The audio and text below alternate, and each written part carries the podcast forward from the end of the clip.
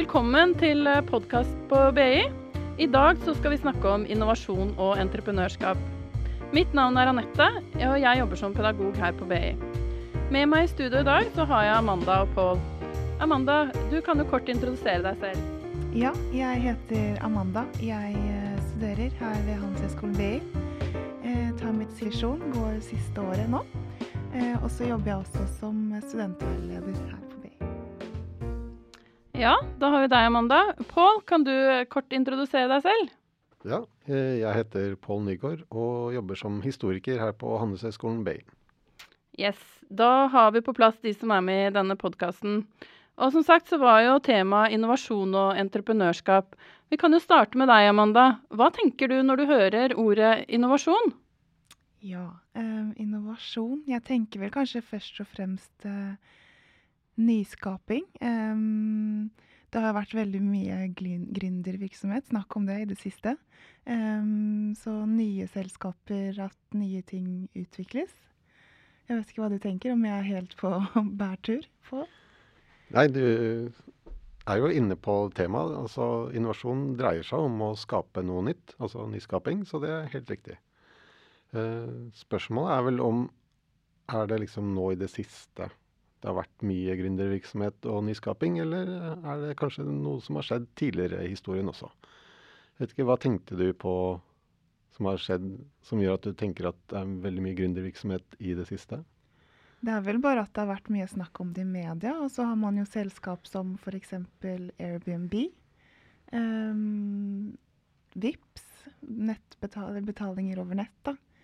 Um, men jeg vil jo tro at det har vært nyskaping og innovasjon i mange, mange år som har gjort at vi har kommet dit vi er i dag i samfunnet. Ja, øh, det er jo en sånn forestilling vi har om at nå skjer ting veldig raskt. Og, og, samfunnet endrer seg, og teknologien endrer seg veldig raskt. Og vi får veldig mye nye ting.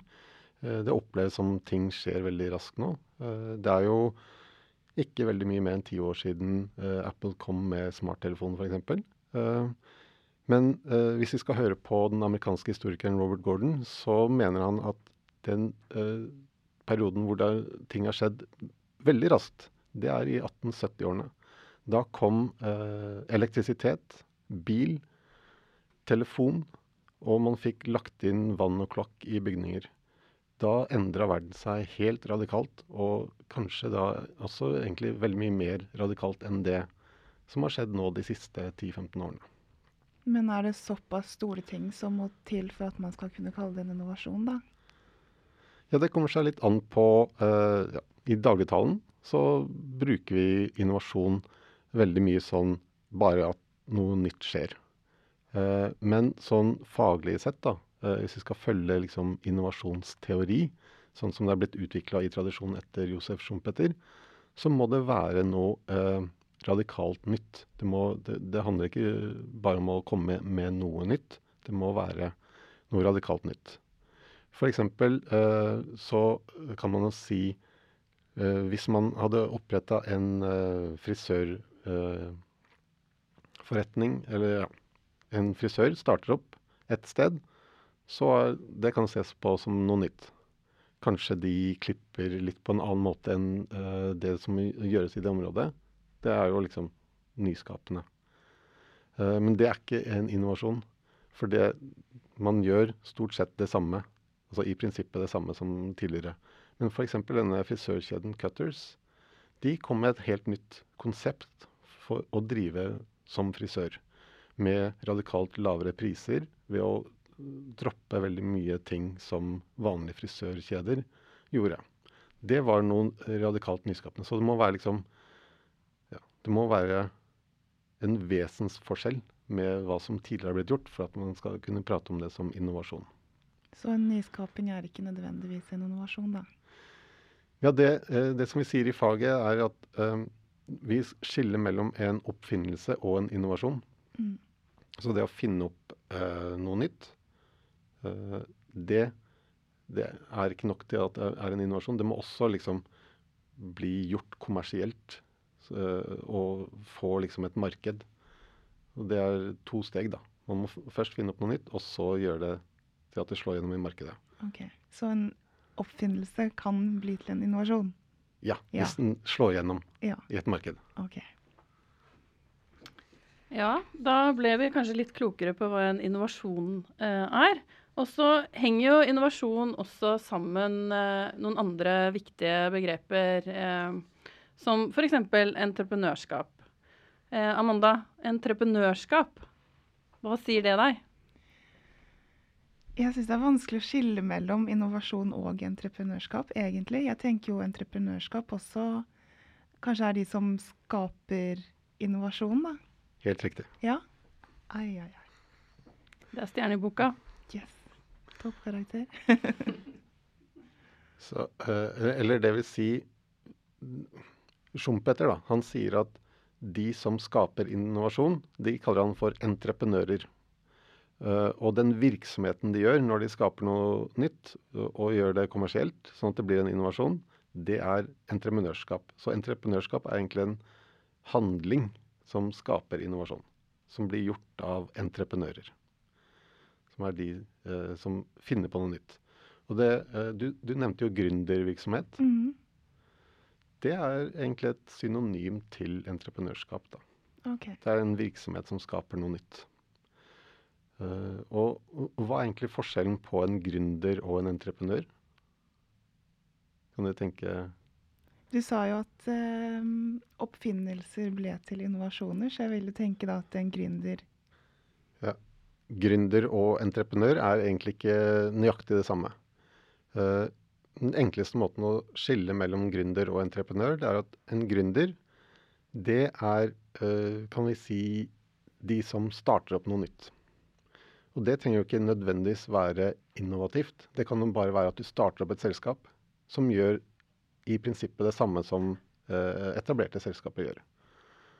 Men en entreprenør, det er noen som starter opp noe som er innovativt. Som, også, som er radikalt annerledes enn det de etablerte gjør. Så det er forskjellen på en gründer og en entreprenør. At gründer bare starter opp noe, mens en entreprenør starter opp noe radikalt nytt. Har du noen eksempler på det, da, kanskje? Ja, eh, Et eksempel på det kan være hvis eh, noen starter eh, en kafé eh, i en gate hvor det ligger eh, kafeer fra før av. Det vil jo være en gründervirksomhet, at man starter opp eh, et nytt selskap. Men det er ikke innovativt, så det er ikke eh, en entreprenør, eller en entreprenørskap. Eh, et eksempel på liksom entreprenør er eh, mm, da det jeg nevnte med denne frisørkjeden Cutters, som da starter opp noe som er radikalt nytt. Eh, Et annet eksempel, for å gjøre det litt mer ja, big business, er uh, f.eks. da Norge oppdaga olje eh, i Nordsjøen. eh, så starta jo eh, nye selskaper, f.eks. Statoil. Eh, det var ikke et eh, radikalt nytt type selskap, det var et oljeselskap. Eh, men i løpet av den prosessen med å utvinne olje, så fant eh, Statoil opp nye måter å hente opp olje på. F.eks. å droppe plattform. I dag så bygges jo oljefeltene ut ved, uten plat plattformer. Man henter opp olje og gass fra under eh, havet, havet og eh, frakter det til land for prosessering. Det er en eh, kjempeinnovativ eh, produksjonsprosess som Norge har skapt fordi vi har helt særegne utfordringer med Nordsjøen. Så, så det er liksom forskjellen på gründervirksomhet og entreprenørskap. Kan jeg bare lure på en ting som For det, det innovasjon og entreprenørskap henger sammen, men liksom, går det in, in, entreprenørskapet over i drift på et eller annet vis? For sånn som du snakker om innovasjonen i Nordsjøen, da, og det entreprenørskapet, så, så på et eller annet vis så stopper det jo opp, og så blir det bare at man fortsetter den virksomheten som er, som er lønnsom, og som fungerer der og da. Ja, det er jo en del av definisjonen på innovasjon, er at uh, det blir gjort kommersielt og får et liv da, etter selve uh, den nyskapningsprosessen. Og hvis det ikke hadde blitt uh, gått over i drift og kommersiell bruk, og liksom få et marked og, og spre seg og, og, ha et langt liv, så ville det jo bare vært en oppfinnelse. Sånn enkel nyskaping. Som ikke da får et liv etter. Selve nyskapingen. Så ja, det går over i drift etter hvert. Det, det, er en del av definisjonen på innovasjon, er at det er noe radikalt nytt mm. som får gjennomslag i markedet. Mm. Og går over i drift. Mm. Er det det han Schumpeter snakker om, noen sånne bølger Gjør han ikke det? Eller noe sånt? Det, det, er, det er noe annet. Det er noe annet. det handler om kriser. Det går litt sånn der uh, i stokk på meg her nå. Ja, jeg falt ut litt, ja. Men, ja. For dere snakker om innovasjon, og så snakker dere om drift. At ja. det går fra innovasjon til drift. Men er det sånn hele tiden?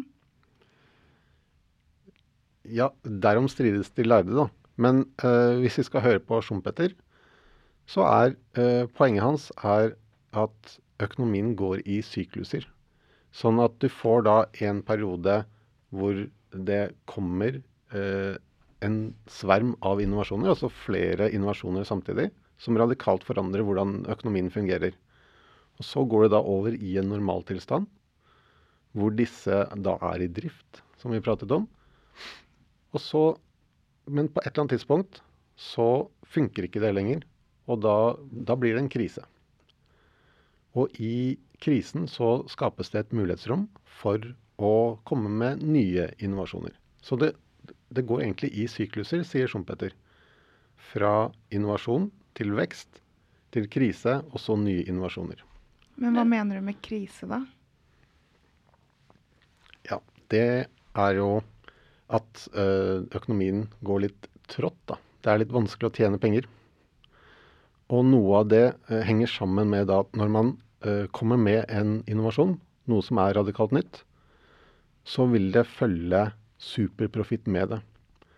Eh, fordi folk vil ha dette radikalt nye.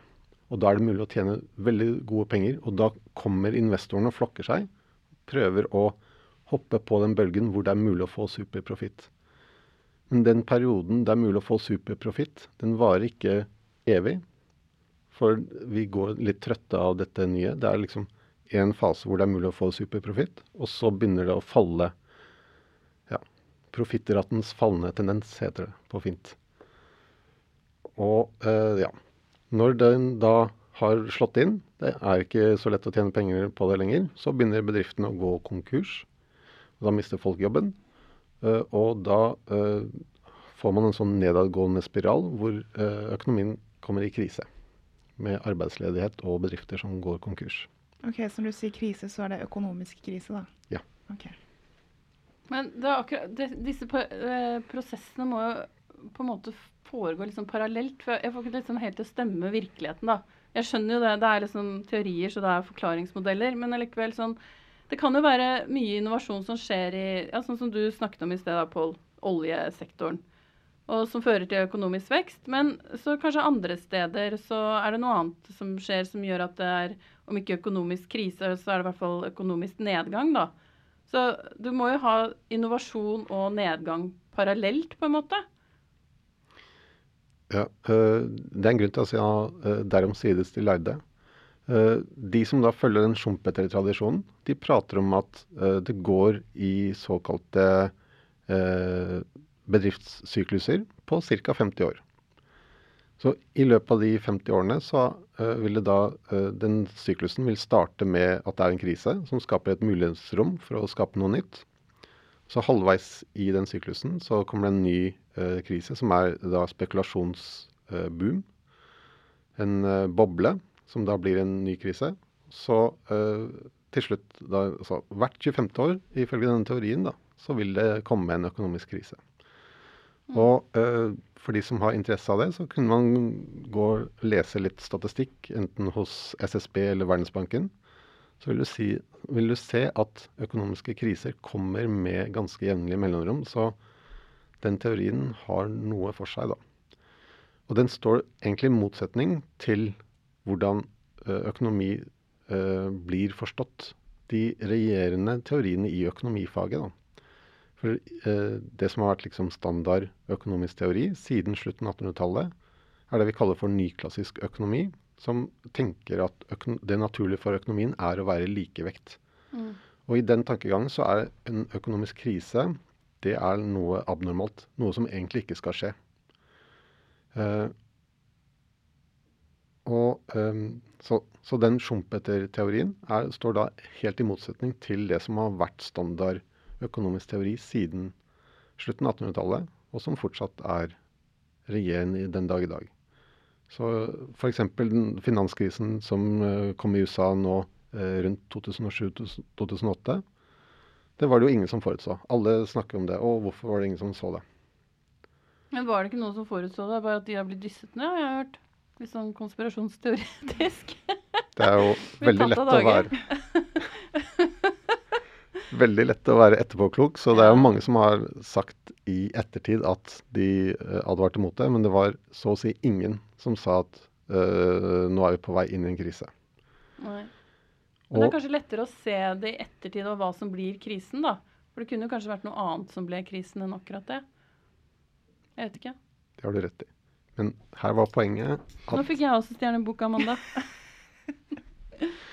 her var poenget at det er en forskjell mellom da standard økonomisk teori, som tenker at uh, så lenge tilbud og etterspørsel uh, får lov til å virke fritt, sånn som Adam Smith snakket om med Den usynlige hånd, at markedskreftene skulle få lov til å styre fritt, da ville de justere seg etter hverandre. Det er standard økonomisk teori. I den tankegangen så skal det egentlig ikke oppstå en krise, fordi tilbud og etterspørsel vil alltid justere seg etter hverandre og finne en likevekt og harmoni. Det er en harmonimodell på hvordan økonomien fungerer. Men snakket ikke du om den nyklassiske modellen? Jo. jo. Det er den som kommer da fra Adam Smith, og som blir videreutvikla på slutten av 1800-tallet. Ja. Det, ny, det, kalles nyklassisk økonomi. Men det er vel ikke den samme, helt den samme teorien? For det er vel Adam Smith så er det den usynlige hånd, mm. mens den nyklassiske så har vi den synlige hånd? Nei. Nei. OK. Det, nei, det er to forskjellige ting. Uh, så uh, Den usynlige hånd det er jo liksom metaforen Adam Smith bruker mm. på markedskreftene. At når markedskreftene får lov til å virke, så ordner Da trenger ingen å blande seg inn i økonomien. Eh, staten eller noen andre trenger ikke å styre, fordi markedskreftene opererer som om de var en usynlig hånd. Dette tar da liksom nyklassikerne på slutten av 1800-tallet, altså lenge etter at Adam Smith var død, videreutvikler det og lager en mer raffinert teori basert på denne metaforen om den usynlige ånd. Så sier de at det aller beste vi kan gjøre, det er å la disse markedskreftene virke. For da vil de tilpasse seg til hverandre. Den synlige hånd, det er en metafor en historiker bruker, som heter Albert Chandler bruker for å snakke om den amerikanske økonomiske suksessen. Og det er da noe helt annet. Det er en teori om hvorfor USA ble verdens eh, ledende økonomi. Og så sier han, for å liksom eh, være litt fancy, så sier han at det var ikke det som Adam Smith snakket om som den usynlige hånd, som gjorde Amerika rikt. Det var den synlige hånd som da i amerikanske ledere, som var eh, ledere for storbedrifter, som kontrollerte økonomien.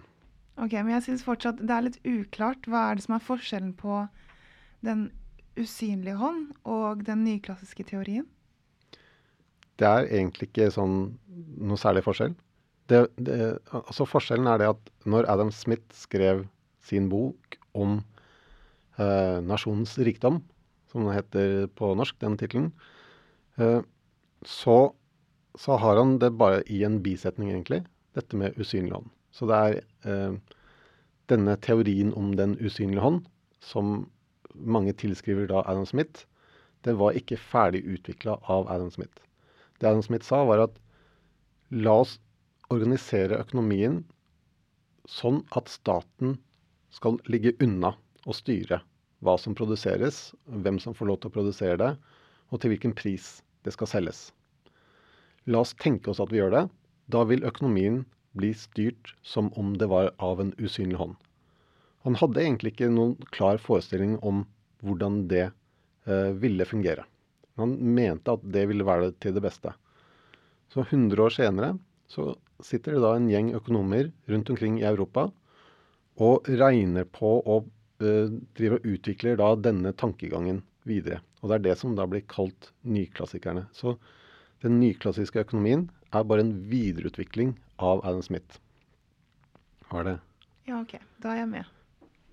Jeg, jeg tror jeg ikke er med, men uh, jeg vet ikke om jeg kommer med heller. Men jeg syns det er så vanskelig, fordi jeg, jeg tenker sånn Altså disse her eh, te teoriene og disse her økonomene som du refererer til, de sitter liksom på en måte utenfor samfunnet og lager disse teoriene. Eh, så er det, sånn, er det de som bestemmer? Har de liksom beslutningsmyndighet? Har Adam Smiths teori så stor innvirkning på hvordan samfunnet er? Det er en grunn til at vi eh, sitter her på BI i 2019 og prater om Adam Smith. Det er nettopp fordi den, hatt, den teorien han har lansert, eh, har fått veldig stor påvirkning. Og jeg, ja, jeg syns kanskje du tar i litt når du sier at de sitter utenfor samfunnet. Altså, eh, ta Adam Smith, da. Han skrev en bok om hvordan skal eh, nasjoner bli rike. Eh, og Det var noe som alle i Europa var opptatt av på 1700-tallet. Europeiske land var i krig med hverandre, og alle prøvde å bli rikest mulig. Eh, og Så sier han at den måten dere prøver å bli rike på, ved at kongen styrer økonomien, bestemmer hvem det er som får lov til å produsere ting, det funker ikke. Det er ikke den beste måten å gjøre det på. Se her. Prøv å ligge unna økonomien. La det bli et fritt marked hvor markedskreftene kan løpe fritt. Det vil være mye bedre for dere. Med tiden så var det noen som da tenkte OK, la oss prøve det. Og så bare oppdaga mange det. Ja, det der funker. De blir rike. Storbritannia ble verdens dominerende økonomiske nasjon. Og så sier da alle hva er det de gjør som gjør at de blir så rike? Å ja, de har eh, lagt staten har trukket seg tilbake for å la markedskreftene fungere fritt. Så 1800-tallet det ble jo da liberalismen sitt gjennombrudd. Og det var bygde på ideene til Adam Smith. Så mm. de ideene fikk en utrolig sterk virkning, da. Ja. Jeg synes bare Utenfor samfunnet jeg tenker sånn jeg synes det er også veldig rart at det, på 1700-tallet så har alle lest samme bok, da. Den ble lest veldig mye. Men ja. her er jo hele poenget var at det var de uh, ja, elitene i samfunnet leste jo det, dette her, ikke sant. Det var jo uh, bønder uh, eller de lavere på samfunnshierarkiet leste nok ikke så mye Adam Smith. Men hele poenget er at de elitene, kongen og administrasjonen hans, de leste Adam Smith. Og så ble de påvirka til å tenke at OK, la oss prøve å se om dette funker. Etter hvert som mange så at dette funka, så hoppa veldig mange på, da. Og det er jo sånn eh, økonomiske teorier har en virkning i samfunnet når folk som uh, da uh, Enten de jobber i en bedrift eller de styrer med statens rolle i økonomien, blir påvirket og tenker at det der var en smart teori, la oss prøve den. Og da får de økonomiske teoriene virkning. Så økonomer har egentlig alltid, selv om de kan sitte på rare steder som BI eller andre steder og skrive disse økonomiske teoriene og sånn sett ikke være en del av samfunnet, så kan de få påvirkning på økonomien. Og ja. det, dette har egentlig veldig mye å si for hvordan innovasjon blir forstått. da. Mm. Fordi hvis man tenker sånn som disse nyklassikerne gjorde, at det beste er at markedskreftene får løpet fritt. Uh, tilbud og etterspørsel vil alltid justere seg. Da tenkte de at innovasjon, det skjer av seg selv. Det, det, er ikke noen som trenger å jobbe for det. Bare markedet får operere fritt, så kommer det til å bli innovasjon. Og, og det stammer jo også fra Adam Smith. Adam Smith snakket om at hva er det som kjennetegner en økonomi hvor du får bedrifter som konkurrerer med hverandre, som i en markedsøkonomi. Det er at da vil bedriftene spesialisere seg. Bedriftene vil finne sin nisje i, i det markedet for å bli best mulig på akkurat det de gjør. Og i bedriftene så vil arbeiderne spesialisere seg, sånn at bedriften produserer mer effektivt. Så konkurransen vil naturlig gjøre at bedrifter blir innovative, fordi de vil konkurrere i et marked. Sånn tenkte man. Mm. Helt fram til etter første verdenskrig. For da ble det økonomisk krise, og så gikk det ikke over av seg selv. Da fikk disse nyklassikerne et forklaringsproblem. Fordi mm. da var det ikke sånn at Og det var, uh, det var en uh, kapitalistisk markedsøkonomi, det var konkurranse. Men tilbud og etterspørsel justerte seg ikke etter seg selv, og bedriftene var ikke av seg selv innovative. Nei. Jeg tenker sånn um, i forhold til tilbud og etterspørsel. Det er litt lenge siden første verdenskrig, så jeg klarer ikke helt å komme med noen eksempler der. Men sånn Nokia husker jeg når jeg begynte å bruke den, det, mobiltelefon, så var det liksom det hotteste. Amanda, du var sikkert ikke gammel nok til å ha Nokia-telefon. Jeg husker Snake. Var ikke det Nokia? Du husker Snake, ja. ja. Og jeg tenker, altså, De holdt jo på, ikke sant, og produserte og hadde både kapital og arbeidsinnsats som var på plass. og men plutselig så endrer jo eh, markedet seg. Eller et, eh, altså det, vi endrer Hva var det som gjorde at markedet plutselig endra seg? Eh, fordi iPhone kom. Nettopp. Men eh, hvis de hadde selv det... stått for innovasjon, så burde jo de ha kommet med iPhone da. Eller? Så du mener at den som var markedslederen, altså Nokia, burde vært de som hadde kommet med smarttelefon? Eh, ja, eller eh, Nei. Um, jeg tenker bare at uh, hvis, de, hvis, du har en bedrift da, og du har et produkt, så er det en viss levetid på det produktet. Hvis ikke du er innovativ. Da tenker du som Schumpeter. Det er en syklus. Ja. En Men det var vel syk sykluser før Schumpeter? ja, det, ja, ja, ja. Det var i hvert fall menssyklus. Det var ikke Schumpeter. Det var ikke Schumpeter som fant opp eh, bedriftssykluser. Det har du helt rett i. Så, så det Men eh, ja. Det var egentlig en russer som fant det på før Schumpeter. Men eh, jeg skal ikke plage dere med eh, navnet på han. Schumpeter var en av de første som prata om det i Europa da, og Vesten. Uh, og, og det, det var jo en analyse av hvordan økonomien fungerte som står i sterk kontrast til nyklassikerne. For ikke sant? Nyklassikerne de tenkte at det naturlige for økonomien er likevekt. Harmoni mellom tilbud og etterspørsel. Og hvis etterspørselen endrer seg, så kommer bedriftene til å finne på noe nytt for å møte den etterspørselen. Så sier da Schumpeter at nei, det er ikke sånn. Det naturlige for økonomien er ikke harmoni og likevekt. Det naturlige for økonomien er at den går i sykluser mellom oppgangskonjunktur, nedgangskonjunktur og krise. Uh, og så sier han da også at det er i krisetidene at det, uh, innovasjon har mulighet til å skje. Fordi at i disse oppgangskonjunkturene, da, når liksom de nye tingene har kommet og man får masse superprofitt, så vil jo da investorene de vil putte pengene sine i det som gir mye profitt. Man sier jo, ikke sant? Man sier jo når man skal spå været, hva er det beste måten å spå været på? Er det å høre på, på Meteorologisk institutt, eller er det å gjette ut ifra hva slags vær det er i dag?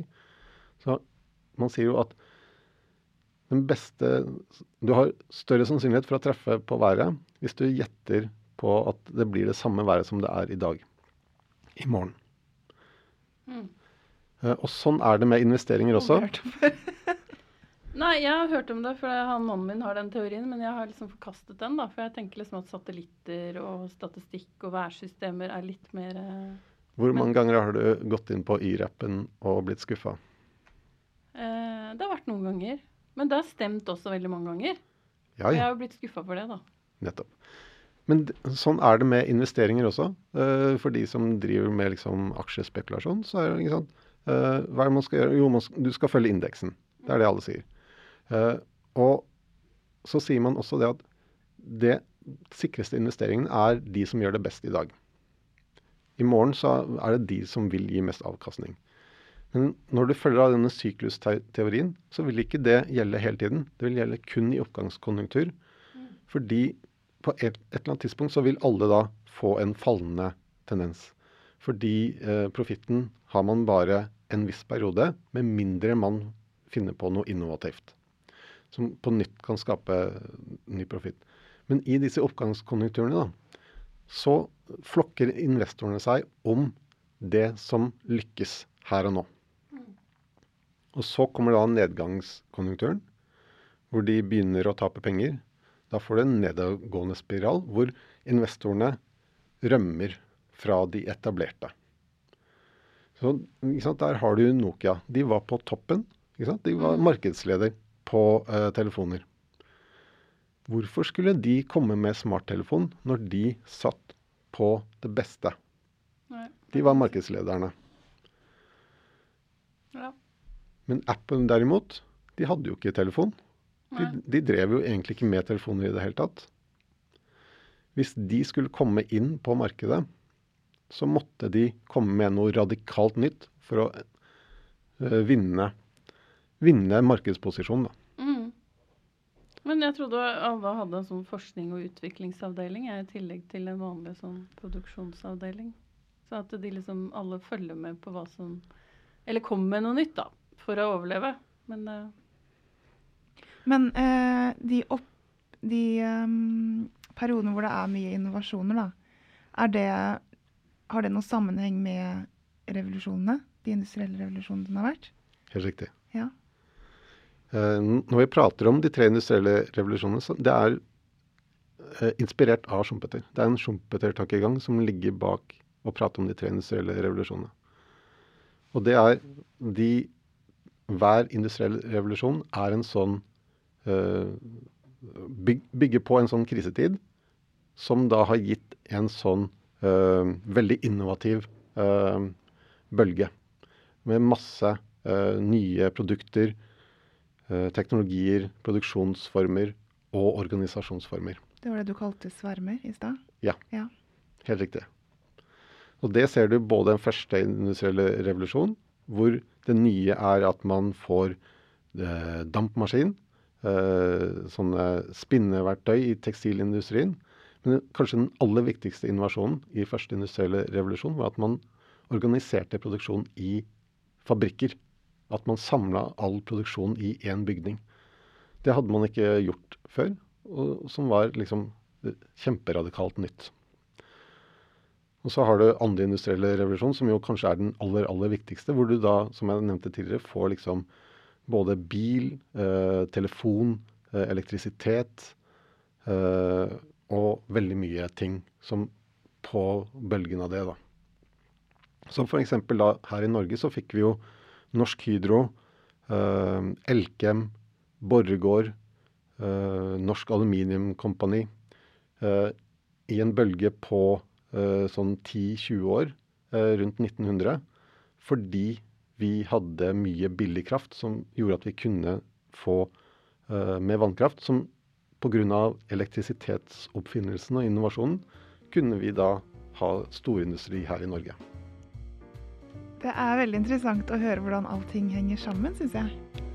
ja, jeg er i hvert fall utrolig glad for at eh, dere ble med meg i studio i dag. Og nå tror jeg jeg vet enda mer om innovasjon og entreprenørskap.